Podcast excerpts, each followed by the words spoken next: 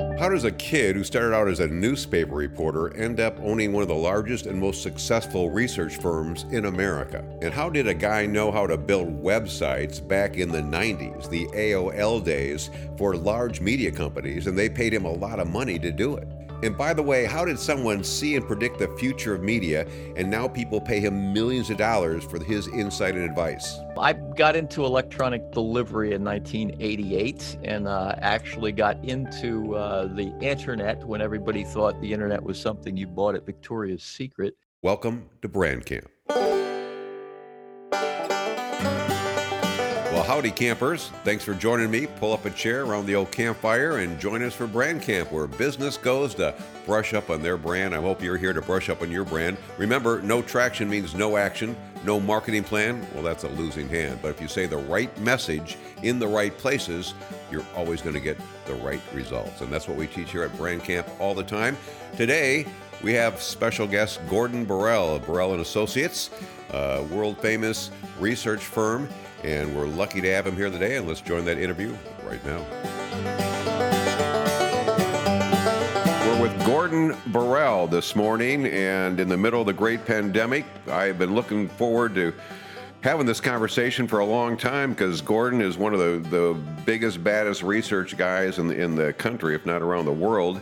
Uh, you might have heard him or seen him on Wall Street Journal articles or New York Times or Ad Age or Four. You might have even seen him on CNN. But we get Gordon for a few minutes this morning to talk about a lot of things. And and let's start out with uh, where you all started out. You know, I know your office is in you're in Portsmouth, Virginia, right now. Beautiful place. Uh, office is actually in Williamsburg. My home is in oh, Portsmouth. Okay. which is 40 miles away. But I am in the office today because all my kids are home. so this this is my refuge. Okay, I understand that completely. So the uh, and just to give our listeners a frame of reference, this is the middle of the great kind of the hopefully coming to the beginning of the end of the, the what they call the great pandemic or how this will be termed in the in the future.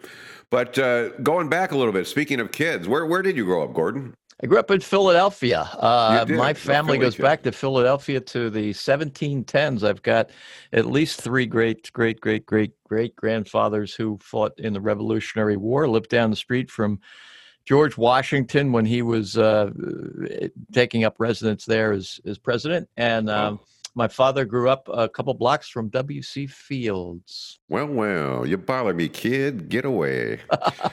so, did you ever meet him, or did your father ever meet him, or see him? Uh, when uh, W.C. came back for his mother's funeral, uh, the, the, his brother uh, convinced him to come back and pay for uh, the funeral. Um, and this big movie star came back. My father and the rest of the kids in the neighborhood went down to see this great movie star. I saw him sitting on the front porch with his spats and his cane and his top hat and a little really? uh, stool next to him. And they looked through the rungs of the fence, and he said W.C. Fields took his cane and rung, you know, ran it across the rungs of the fence. And, Get out of here, kids! I hate every one of you. Perfect character. Didn't break it at all. That's great. So you grew up in. Uh, how did you end up down in? Uh, I guess we'll we'll get to that here in a little bit. So you grew up as a Philly kid. Why why did you pick? Uh, went to Old Dominion? Was it in '75? I did. I, I moved with my parents in the 1971. Uh, my uh, I was still in uh, just entering high school at the time, and my father came to Portsmouth to open up a tool and die shop. I was an apprentice with him uh, in in that shop in Portsmouth, Virginia. It made metal parts, uh, dies that made metal parts that went back in portable television sets, which were all okay. the rage back then. My father said um, at one point, I moved into the news business. I was a newspaper reporter. And I remember him calling me once and saying, um, "Hey, we just talked about uh, shutting down the shop, but we thought maybe you've got a good business mind. Uh, uh, so would you like to start run it, take it over?" And I said, No, Dad, you always taught me unless the job meant more than the pay, the job would never pay more. And I hated being a tool and die maker. and, you know, I, and I thought, you know, I felt kind of bad, you know, telling your dad, no, you don't want to follow in his footsteps. And uh, he paused and he said, You paid attention when I said shit like that? I know we're always surprised, are we? We were cool. That's great. So, but you I started out in radio news. You started out on the print side doing that, but for the Virginia Pilot, is that the, the first paper you worked for? Uh, that's right. I was a reporter and uh, an editor for about a dozen years, and then I actually moved over to the audio side of the business and was a program director. Landmark owned newspapers, radio, TV stations, etc. And I was a, a program director, not for radio, but for an audio business that was developing uh, content that is actually delivered by phone. It was called Audio Text. So they were pre-recorded sports, news, weather, uh, joke of the day, all kinds of things that you could call into and punch in a button, and it would uh, you know deliver that that information. We actually did our own original programming for it, and I was uh, a character voice, which I will not do, oh, uh, called called Elbert the Elf. so that sounds good. it was a bit bizarre, but yeah, I do have a little bit audio background uh, as well. Started. Well, it sounds like you were way ahead of the curve for content creation than just a different delivery vehicle. Huh? Yeah, um, I got into electronic delivery in 1988, and uh, actually got into uh, the internet when everybody thought the internet was something you bought at Victoria's Secret in 1994, and um, started wow. the very first television station website. We owned KLAS TV in Las Vegas at the time, and that was the first TV website. And the third, we were beaten by two other newspapers, a newspaper website, and that was back in 95, I believe. Now, was this uh, because seeing uh, the decline of uh, print at the time, or what was pushing into the whole web business there in the '90s? Uh, uh, no, throughout the throughout the '90s, this was in the '90s, and uh, into a good part of the 2000s, nobody felt that print or TV or you know anything radio was was going to decline. Right. It was a little toy. It was an add-on. It was something you should do to look cool.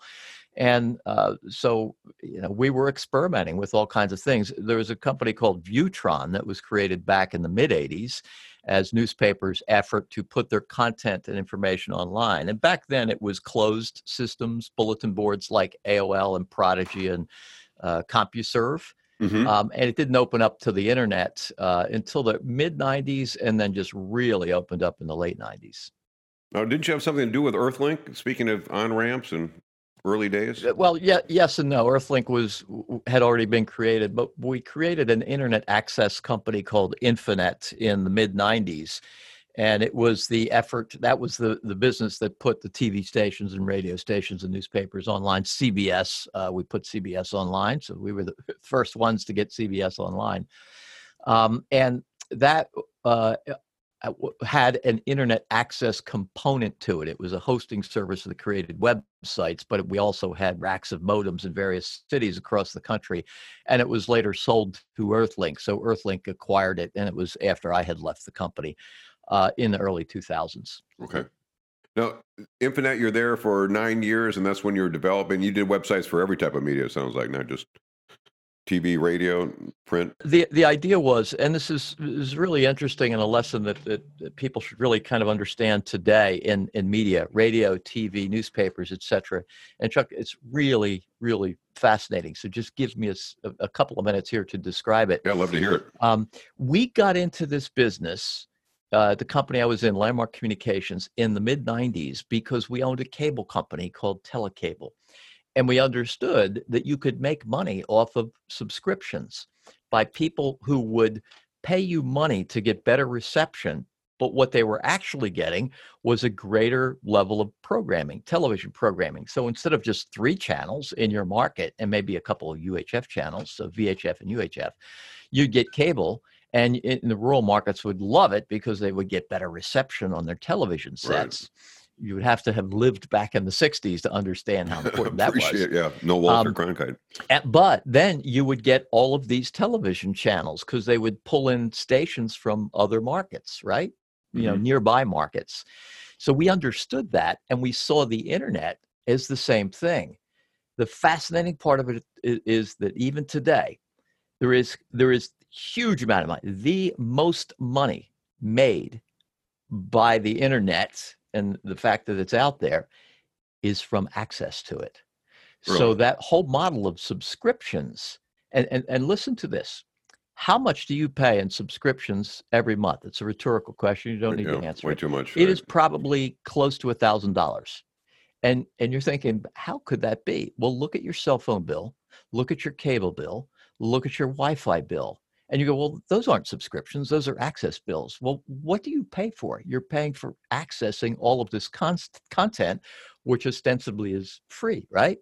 So all of the money when you think about podcasting for instance or you think about you know streaming video you're paying for that as a subscriber and the cable companies and the phone companies and the access companies are getting the money for you accessing that content meanwhile revenue the revenue that supports media advertising it provides almost 100% of the revenue for radio and about 70% of the revenue and 60, 60 to 70% for, for TV and for newspapers is going down and down and down. So they're losing their main business model, which is generating revenue from advertising, mm-hmm. and it's being eroded by all these companies, which again are offering all of that content for free online because carriage really doesn't cost much. Is that why they say that in the future, you're basically your TV on the wall is just going to be a giant iPad, and you're just paying for all these apps for access? Then, basically, right? That's that's the future. Yeah, the, it's it's a little more complicated than that, but yes, um, I I think you know, in the future, you can't look too far into the future. I, I have a crystal ball. It is a marble. It's in my desk. It's dented. it's dented quite a bit. And if I hold it out about two feet from me and look through it, everything's upside down. So I'm not really good at looking through the crystal ball. But I will tell you this: it's you know, science fiction is a great predictor of the future, and I don't see anybody you know, on Star Trek, listening to radio or cracking a, a, telephone book or reading a newspaper, you know, or watching TV. But they do have these little handheld devices, don't they? Um, yeah, they and they do have these big screens and they do communicate virtually, you know, quite a bit. Beam me up, right? Right. That's the next step, I hope. Well, basically, we're with IT, AT. Yeah, I think virtual reality has kind of gotten a springboard in this current pandemic and crisis. There, mm-hmm. there will be more and more virtual stuff, virtual meetings, and eh, you know, hell, virtual church services and things like that. I think it's just us old folks catching up with it. I'll, I'll, speak for myself because you know most of our kids grew up that way, playing. You know, when I grew, I was telling someone I grew up in Madison, playing. Uh, we play a, on PC now. It's called Guns. You just go around and shoot someone, fall down, and count ten. You know, and they'd run around the house. Well, that's what we did in the 60s. Our kids are doing the same thing, only they're on Call of Duty and they're in their bedroom playing with their neighbor who's next door, but they're both in their own bedroom. But so they've, you know, uniquely, wonderfully grown up, wired for virtual reality, everything. And I would think uh, it, we're the guys having to adapt to it more than the younger people. This is like a natural evolution for them, right? A- absolutely. Um, and, you know, one of the interesting things with my kids, it's so funny, I've got five, um, is that they grew up pretty much all of them with the internet knowing the internet and knowing you know television interaction remote controls and things like that. And they refer to each other as you know when when they want to uh, give them a hard time each other hard time as if you know they had a remote control in their hands. You know i wish i could i wish i could mute you. Whenever i see you i just want to change the channel you know things like that like that Will Smith movie, right? it's what yes, yeah. it's what kids do.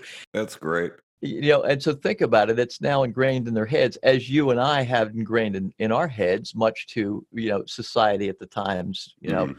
disdain television. We watched way too much TV, which was the medium of the day. And today, yes, kids are way too much ingrained in this virtual reality, this gaming stuff.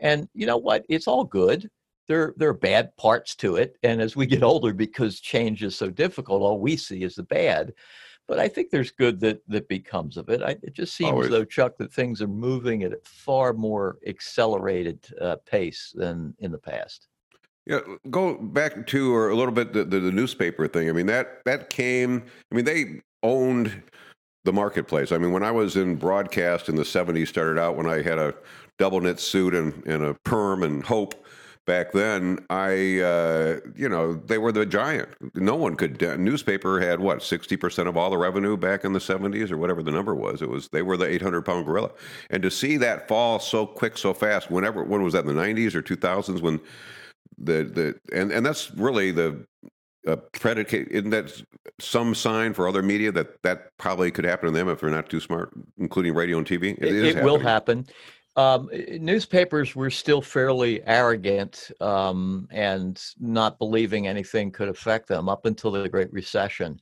And the Great Recession, you know, what what happens is trends kind of move along uh, almost subtly. Uh, for a number of years, and then it takes an economic trigger, and it could be uh, the Great Depression, it could be the recession of you know the mid '70s, it could be 9/11, or it could be the Great Recession of 2000. So you're saying the wheels came off in 2008 then with, with right? Yeah, and that Okay. it, you know that that caused a trigger to make things you know it forced the change a bit more.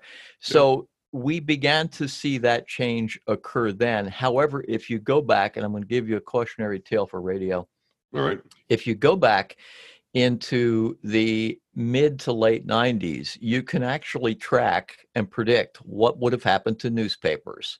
And that is, they began, their, their audience began aging. If you look at the year of birth for Right. newspaper subscribers, Mm. you can see that, wow, the baby boomers actually began, you know, taking away newspaper subscriptions. And then Right. when we got to be in our prime years, in our 40s and 50s, when we had higher disposable income and we're buying lots of stuff, then, you know, we weren't reading newspapers at the same rate as our parents. And so you could say, oh, well, then when those who were born in the 70s and 80s get to be that level, and they're going to be gone from newspapers, Mhm. that's when the major retailers are going to go, oh, hell, we're out of here. You don't have our audience anymore. And Right. that's exactly what happened. That is happening to radio. Go look at the Nielsen numbers, uh, Yeah. or, or better yet, look at the Scarborough numbers, and you can see the aging of the radio audience. And it's almost an exact replica of what happened to newspapers. I would say we're just maybe a couple years away for people realizing. The other thing with radio, Chuck, is that the average market has about 60, uh, 50 to 60 radio stations, the average television market. And it's deeply, deeply overpopulated. So a lot of shakeout that you're seeing right now is from, you know, overpopulation of, of uh, radio in Sure. markets. And the the ad, ad restaurants today, market can't support that many radio stations. Hell, they're uh, they're an average. People will be surprised by this. They're an average of about 45 newspapers in each TV market. You go "What?" Really? Wow. Yes. Yeah. They um, found their niche. they're- say, huh? uh, well, do the math. There are about 1,200, almost 1,300 daily newspapers in this country and 211 TV markets. And there are 6,500 weekly newspapers, Wow. two, two for every county in the United States. Something's got to give, and it is right now. Yeah, and I'll continue to do that. And and you know, we, our habits haven't changed. I, I'm a voracious reader, voracious. uh, I can't maybe not. I can't spell it, but uh, my father used to read. I remember Time magazine, newspaper. I mean, he would just read. No, I do the same thing. I just do it on my iPad now. Uh, so we're still the habits haven't changed. Just where the, the media that we use to get the information has changed dramatically. Obviously, the the the, the delivery vehicle. Yeah, the the challenge is for media to really understand what their role is, and their role, particularly in radio, let's say, um, is not to deliver um, news and information and entertainment um, in audio format. Wow, you know that kind of scares you when you think about that. Well, then what the hell is it? Yeah, right. Kind of takes away the whole base. It- well, yeah, it- yeah. I mean, they have uh, they have assets in that, but but here's a really really radical idea. Their job in radio, and you can apply this to newspapers and TV and everything. You might want to unplug me as soon as I say this because I get kicked out of meetings when I say this. Their job is to help people sell things. Right. That's so when you think about it, almost 100% of radio's revenue comes from advertisers, and advertisers are not going to support radio. Now I'm going to get irate because I start getting pissed when I talk about this because it really upsets me. go ahead, work Uh, ra- radio, radio is driven heavily by people who love the programming, and by lo- uh, love the announcers and love the personalities. What you know, what is there not to love? It's funny, Mhm. it's interesting. You know, it's it's irreverent. It's you know, shock jock type It's stuff. emotional, That's really right. cool. Okay, that's great. But damn it, if that and, and they want to say, well, you can't sell anything if you don't have the audience. Yeah, sure, go ahead and do that crap. That's fine, terrific. But if you're not really, really good at helping people in the local market sell thing, sell things, and doing it better than the other radio stations, doing it better than TV, and doing it better than direct mail and outdoor and everything else, then you're screwed. And it's the same thing with newspapers. Your most important audience in TV and in radio and in newspapers, your most important customer is, and everybody fills in the blank with the wrong thing the advertisers. Mhm. If they go, you don't have a frickin' business. The advertisers are the one who pay everybody's salaries. Yeah, they forget that. Well, they got so ratings focused and product focused, not customer focused. Yeah, and they're going to argue that well, if we don't have the audience, we don't have. Yeah, okay, have the audience, and then mm-hmm. don't have the advertisers. Okay, have the advertisers, and don't have the audience. Okay, well, I'd actually rather have the advertisers and do something for them, what you can actually do in digital in many different ways. So, so where I'm where I'm headed with this is if you can start thinking like blacksmiths did 100 years ago they looked out and saw their customers driving buying cars and they went shit i can't sell any more horseshoes and i can't fix carriages. So what they do they put up gas pumps because they realized they were in the business of serving the transportation needs of the community not shoeing horses. So right. radio needs to understand it's in the business of entertaining and informing the community and audio is just one of the ways that they do it Exactly right. And again, it's if you stay focused on the customer, and just like going through this pandemic, needs are going to change. I'm sure you're going to check those out and research that what has changed. Uh, and if we don't stay on top of the, those changing needs, whatever it is, because again, the delivery system is mm-hmm. irrelevant. The point is, what can I do to help grow a business as a as a media company, any media company? And I grew up on the sales side, so because uh, I, I said high score, 41 points for the LA Lakers, Kareem Abdul-Jabbar, and that was the end of my broadcast career. uh, so I got in sales the next day. That's what they do when you don't work out. And uh, but no, you you realize that quickly. But if you can't show some kind of measurable ROI, and that's always been my battle cry for 40 years. I used to work with a guy named Don Beveridge, and and it was all about focused customer focused systems that deliver measurable ROI. And, and again, the delivery vehicle, whatever, it, it could be billboards, it could be skywriting, it doesn't matter. But if it doesn't work, you're you're out of a job. Well, I, I, think radio's radio's got a great advantage in that radio has always been scrappy and creative compared with the outdoor, focus, the, the, the newspaper. The yeah. yeah, and everybody else. And I think that scrappiness uh, uh, can work very, very, and, and, creativity especially can work very, very well today because if, advertisers if they don't get rid of all the really good guys. Confused they're cleaning out so many good people. I mean, I'm a old broadcast guy, and I, I could tell you most people I know are on the beach or have gone on to other careers because they've been chased out by some of the big companies, and they've lost a lot of the great creative. The imaging guys are all getting cut now because that's you know they can cut around the periphery before they cut the announcers. Uh, but that's that's the kind of stuff they don't realize. That that's what makes them different from everybody else. Everyone can play the same records. You know, everyone's got the same news. It's what you do between all those things. I think that really attract people. Tell me about uh, the newspaper association. So you did that in 2000, and that was right before you started Borrell, your your company.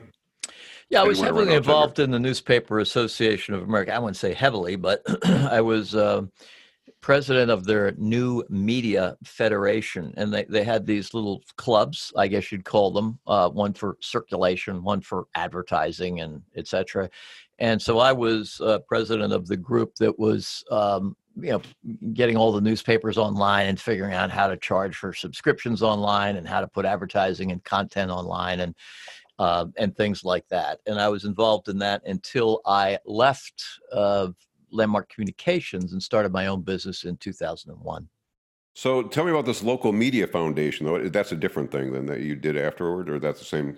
That's a really interesting uh, story because I started my business in 2001, and my intent was to help local media companies, kind of an umbrella, mm-hmm. newspaper, radio, TV, anybody out there that was in the media business, understand disruptive innovation uh, and disruptive uh, technologies and how they are likely to do the wrong things and there's there's historical perspective that you can apply and then prevent yourself from doing the wrong things. What made you think there was a market for that? I, I, I didn't mean to skip to that associate but yeah, talking about when you opened your doors what was it that you thought you could do or provide what was the niche? Because you've grown this into the, one of the biggest research companies in america and so you started out as a, a newspaper reporter but what was it that you saw that you hung out your shingle and said, I can do this better, or there's a niche here that I can grow this company? And you've done unbelievable things, Gordon. Well, I knew from a historical perspective um, that when businesses are faced with a disruption, um, that they typically react a certain way. And it's not because they're dumb,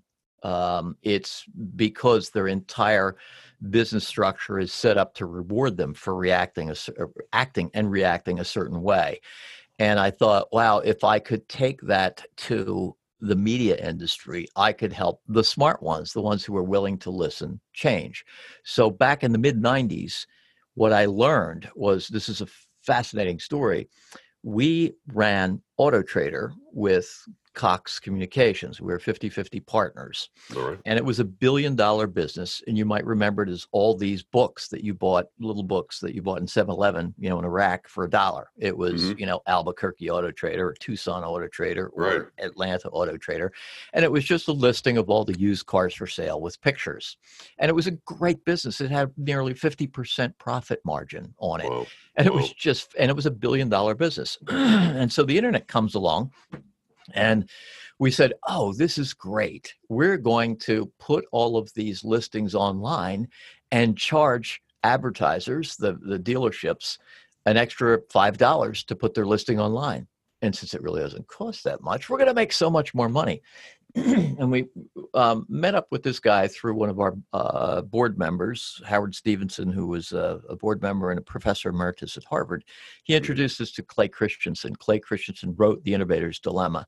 Um, he died uh, uh recently, uh, but I actually had him speak at one of our conferences.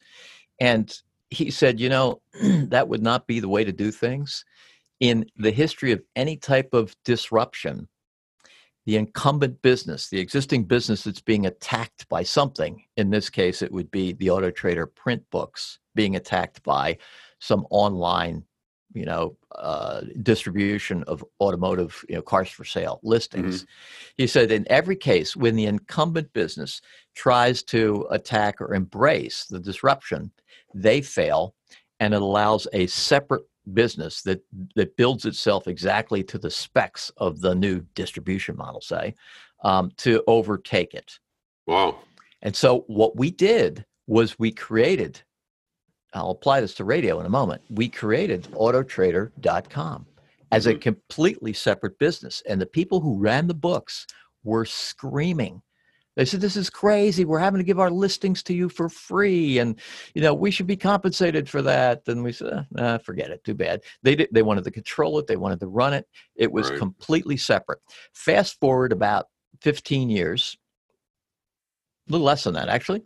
Um, Auto Trader, the books are gone. They're pretty much dead. Yep. No, they don't exist anymore. Autotrader.com, over a billion dollars and on a very, very high margin, not quite 50%. So, bam, there's a transition. Had we let Auto Trader also control autotrader.com, the entire business would have declined and died, and somebody else would have taken over that business. So, for radio, radio is going to kick and scream and say our managers should be involved with and developing our website. Yes, absolutely, they should. But the website is the very least of what you should be doing.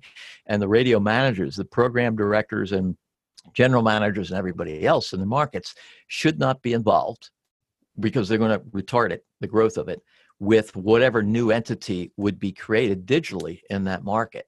Hmm. that is a really really big challenge it's done in a couple of uh, at a couple of groups where it's really very very separate not completely but very separate and i would say you'd look to uh, to hubbard look to Townsquare Townsquare is just a great example and, and yep. beasley's beginning to implement it a little bit because they've uh, recruited in late last year a very uh, a guy very schooled in disruptive innovation so we're seeing pockets of genius in the radio industry but key point, you can't do it from within, or or the old guard's going to keep grabbing the wheel and, and keeping you from going the new direction you need to go. It sounds like. Oh yeah, have... yeah, yeah, and and and it's it's difficult. You know, Clay Christensen's book was uh, uh, uh about disruptive innovation, subtitled uh, "Not why people are so stupid and can't see this it was why why smart managers fail. So it's why smart managers you know can't get this. They're smart but right. what they have to do is to protect that core business for tv it's television for newspapers sure that's your radio, gut reaction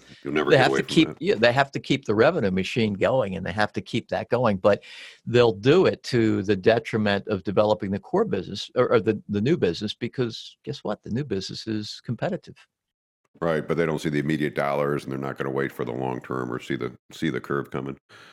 Fascinating. Tell me a little bit before we run out of time about. Uh, you've never been to Traverse City, Michigan, have you? I have been through Traverse City. Um, if, You've never stayed there? Well, yeah, I've been through it twice. Okay. The first time I blinked and missed it. So the second time I kept my eyes open. Uh, no, I, I was traveling somewhere to some a ski resort. I didn't know there Right, was a ski right. resort in, in Michigan. And I Yeah, and I went through it and I went, oh hey, there's Traverse City.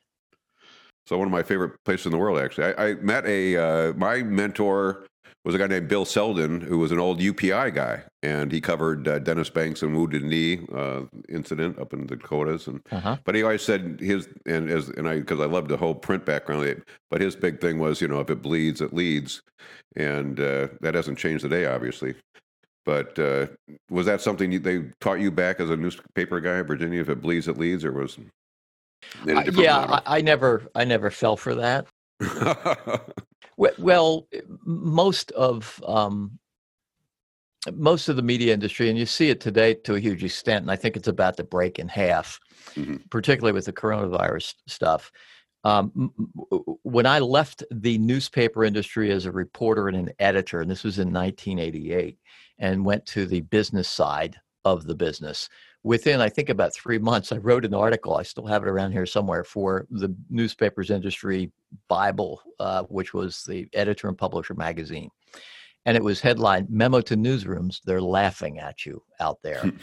and the problem that I saw was that, and it's exacerbated today, there is so much more media. You know, there used to be, Yeah. when you and I were growing up, three channels, you know, of That was it. television, a newspaper, and, you know, a few radio stations. few AM So- stations, right? Right. And now there's so many more AM and FM stations, and there's so many more uh, uh, actually newspapers. They've grown because there, there were more weeklies and, and certainly many, many more TV channels.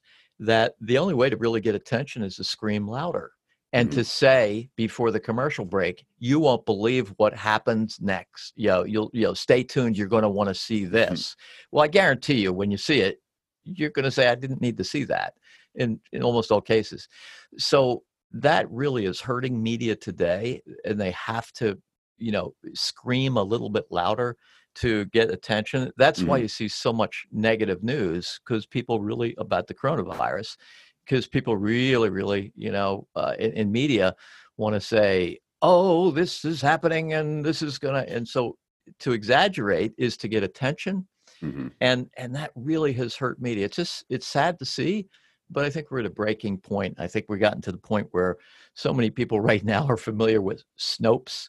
So when they see a picture of donald trump naked getting spray tanned they go to snopes and say oh yeah that's not real So, so they find out rather than just believing things and that's trained people to kind of move away from a lot of of what you know we call mainstream media because people are just become really really skeptical Yeah, I don't know what. Just as the an industry, uh, I'm sure some you know some of the old guys, especially uh, who's the guy from World War II, Murrow. I can't think of his name, the reporter, but they'd all be rolling in their graves right now. Edward R. Murrow. I mean, that they. I mean, there's no semblance today of what the journalistic, you know, the doctrine and the the standards that they had, and I mean, that's all gone now. So this, Well, it happened in the '70s when I entered the entered the business with uh, with Watergate. Watergate gave Yeah. people with Right. Woodward and Bernstein this idea. It elevated the newsroom to a church, to something that was holy, and that couldn't be touched. And a lot of people followed that, and journalism took on this this aura. And and today it's it's being tarnished. I have a lot more hope, uh, Chuck, about it, about it in the future. There's always smart people. There are always people who will figure it out yep, and amen. take the old model and just break it down and say, you know, that really doesn't work anymore. And this is what works. If you look at a program called Newsy, which Scripps, EW Scripps is putting out, you know, Mhm. used to own newspapers, now they just own TV. And it's it's run by millennials. It's very matter of fact. It's a little bit boring, uh, but uh, it, there's a, it's a cable show, and, and you can see it on an app. My son uses Reddit. I don't even know what the hell Reddit is, most actually. Mhm. Uh, but my son gets news from there. So these new things that you and I are just so out of touch with that are coming up. And when you look at them, they go, wow, you know, that's pretty intellectual. That makes sense. So I have a lot of faith in young people and their ability to figure things out and shed some of the the old kind of stupid things that we have done for years out of habit and the Right. things that just don't work anymore. Well, I think like Corey presented one of your cohorts. You know, every every generations look like as these guys are failure, miserable losers, and then whether it was the baby boomers or before or after, but somehow people seem to pull through. And again, part of just an outlook. And I always have had belief in our youth and the future, and uh, it seems like they've always come through. We were part of that, and, and now our kids are doing that, and grandkids. It, they always find a there's an American spirit. I always say that that uh, they somehow look for the positive. They'll take whatever it takes to, to push through it and they'll reinvent themselves. And they, we've done that so many years, so many times. And we're kind of at the beginning of a third revolution, I, I think, in some ways. You know, that you had that big revolution when electricity and radio, or uh, TV and uh, automobiles were all embedded within, you know, 10, 20 years of each other. And we're going through that now with media and all the different innovations, aren't we? And Chuck, I'll tell you that I I think, um, and it's just a hunch. I think that the generation that is, you know, late teens and early 20s right now, are remarkably smart because they can navigate they can they can multitask in ways that we could never multitask and some of this you know uh, video gaming stuff is is part of it some mm-hmm. of it is the rush of information that comes to them and they can do so many things their brains i believe seem to be being trained to process things a bit more fast uh, i'll give you a quick example my son about a month ago. he doesn't really talk all that much. He's very tall, very good looking, looks like a, a Greek god, a, you know, some sort of pretty cool kind of kid. and he's about to turn 20. Mm-hmm. you know, my daughters are texting me and they're going, Dad, why are we all going to die? I get this text from my son. And he said, Dad, would now be a good time to buy stocks?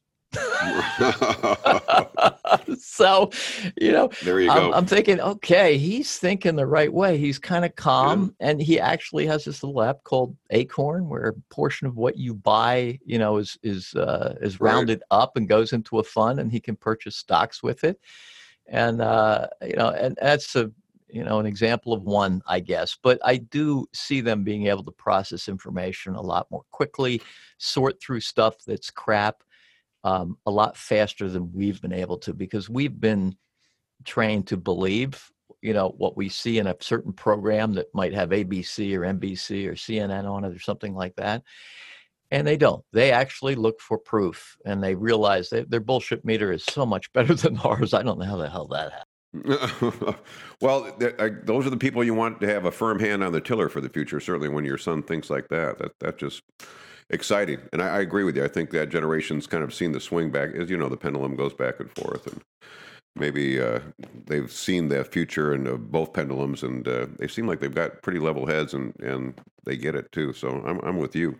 Hey, tell me this, we got to wrap up. I didn't mean to take so much of your time. I sure enjoyed it very much. What uh, you know, you've got this multi-million dollar research firm. Is that what you envisioned when you opened the doors for Borrell? And was it 2002 or 2001, right after the 9/11, basically, right? Uh, it was purposely um, when the dot com bubble burst. Oh, I didn't okay. know 9 11 was going to happen. So it All happened right. before then. But I thought the best time to launch a business is during a crisis. And the dot com bubble right. burst in 2000. yes, and I thought, did. that's it. That's when people are going to uh, let their guard down and they're going to go, oh, you know, this all this internet stuff is, you know, is crap. Mm-hmm. And I mm-hmm. thought, wow, what a great time to jump in. That's when I jumped in. And then 9 11 occurred. I did not have, you know, a, I wish I could sit here and say, know exactly what I was going to do. Um, right. You know, I just knew there was an opportunity to lead and to create a fact fact based business. Um, I can tell you uh, how much is spent in every single market down to the county level by each type of business, HVAC, a furniture store, etc., by the size of that business, how many employees they have on radio, TV, newspapers, outdoor, digital, etc. And it's funny, Chuck, when when I do that, and I wanted to start a fact-based business because I just want to start a fight with people who don't really believe things are going to fold out the way we know they're going to fold out. Yeah. And I want to win. So it's funny when you go into a market and you say, how much, you know, to some big expert who knows everything about radio advertising or TV advertising or this mm-hmm. or that. Okay, tell me, um, how much is spent? You know, what are the biggest advertisers in outdoor? And they'll tell you based on the route that they take to go to work every day. Right. Those are the signs they see. And it's like 2% of the roads in that market. So we have so much data now available to be able to almost almost know everything, right? That's awesome, though. Just get away from these personal experiences, and we see the world through our lens, prism only, and re- don't realize we're just a small minority of what's going on. So, it's my ridiculous. intent, just briefly, was to to know everything about advertising in the market, and to be able to show people that you know, wow, there's some really remarkable things, and the amount of revenue available is far more than you're actually thinking. Unbelievably, and so so the, the future is bright if you if you really again focus on customers' needs and, and go where they're going. It seems like to me. What's what's the future hold for Borrell? Then you've got this fabulous company. What, what's Gordon going to do with this thing down the road? What's your what's your long term plan? Uh, my I'm I'm I will be 63 very shortly, just in a in a few days, and my wife and I have talked about you know retiring um, and we decided I'm having too much fun. Yeah, and, bet. And so I'm just going to, you know, I enjoy coming into work. I enjoy the thrill of it and the challenge of it. I enjoy, you know, interacting with people. I want to say educating, but I actually learn more from talking to people than I do from, you know, telling people what I think. I think they accept half of it, which is probably good. Um, and so I, you know, I don't, the answer is I don't know. We're having too much fun. We're going to keep going. We're going to probably morph quite a bit because now is an opportunity to do that. So we're mm-hmm. already developing new products, new ideas, you know, a new a new strategy. We did that during the Great Recession too. We created a major product, different product during the Great Re- Recession, which was hugely successful at the moment we launched it. So now is the time to create new products. So once I do that, I might look forward and say, wow, you know, the next giant crisis might not be another 10 years from now. So it won't be too much fun until then. Hell, I'm out of here. Right. Who knows? Well, you've, you've done a phenomenal job growing that. I call it a practice. And yeah, who wants to walk away? It's not like GM and you get your retirement thing. And you've spent a lot of blood, sweat, and tears building that up. And if you're having fun, enjoy it. Amen. What what what do you do for fun on the outside? I know you do this day and night, but you, what what's your number one hobby outside of research and doing an analyst? I, a, a, number of things. I'm an avid gardener. Uh, I really? am into okay. horticulture. Got a couple of greenhouses, and uh, I play the drums as well. Much to my right? wife's my wife's chagrin, and I'm not allowed to play when my kids have their you know, boyfriends or girlfriends over because it just embarrasses them. that's great. I love that. So I didn't realize I was talking to Gordon John Bonham Borrell. That's that's yeah, exciting. Yeah, you should hear my rendition of Stairway to Heaven. I'd love to hear it. I just Drum watched it last solo night, part only. So is that right? I will take you up on that. I have a full Ludwig set in the basement, and I generally play when nobody's home. Well, that's a good start, but I'd like to hear it now. I bet, I bet uh, it's worth listening to. I, I, I bet uh, you it isn't. well, let me let me end here with our, our new segment. We call it the Fast Five, just to get to know a little bit more about Gordon. Uh, if I was going to ask you, what's your favorite movie? What would you off the top of your head, Gordon? Uh, Twelve o'clock high. All right, favorite. Very good. Yeah, I loved it. Uh, I love the uh, TV series too. How about favorite drink? Martini. Damn, couldn't go without a martini just about every night. Favorite book? Uh, I'd say 1984. Really? You and George Orwell, very good. Uh, that would make so much sense. That's too much sense. How about ice cream? Favorite ice cream? Oh, it's got to be coffee. All right. uh, what's what's your number one playlist on your iPod? What's your favorite playlist? What do you have on there? Uh, I hate to tell you, it's just so bizarre. Um, Elton John, Love Bobby da- Bobby Darin. Good. Um, certainly, quite a bit of uh, Beatles and a few uh, uh, jazz uh, musicians in there. Just kind of kind of eclectic jazz. Vacation spot. Favorite vacation spot. Oh, San Juan.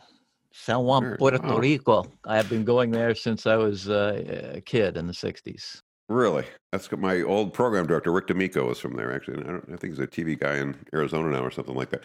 Last question. You said eight, 1984, you were going to say something more about that. Why, why George Orwell, and why was that such a big book in your life?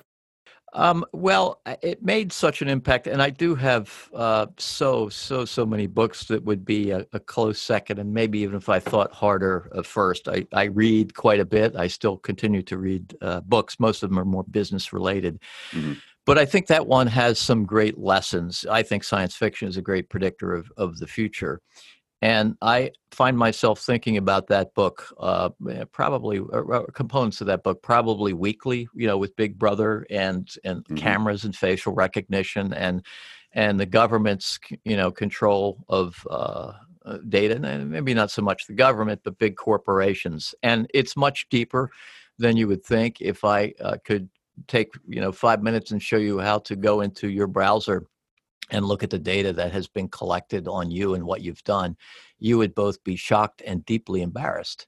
Yeah. And and that's scary because companies like Acxiom and, and others have lots of that data and know so much about us.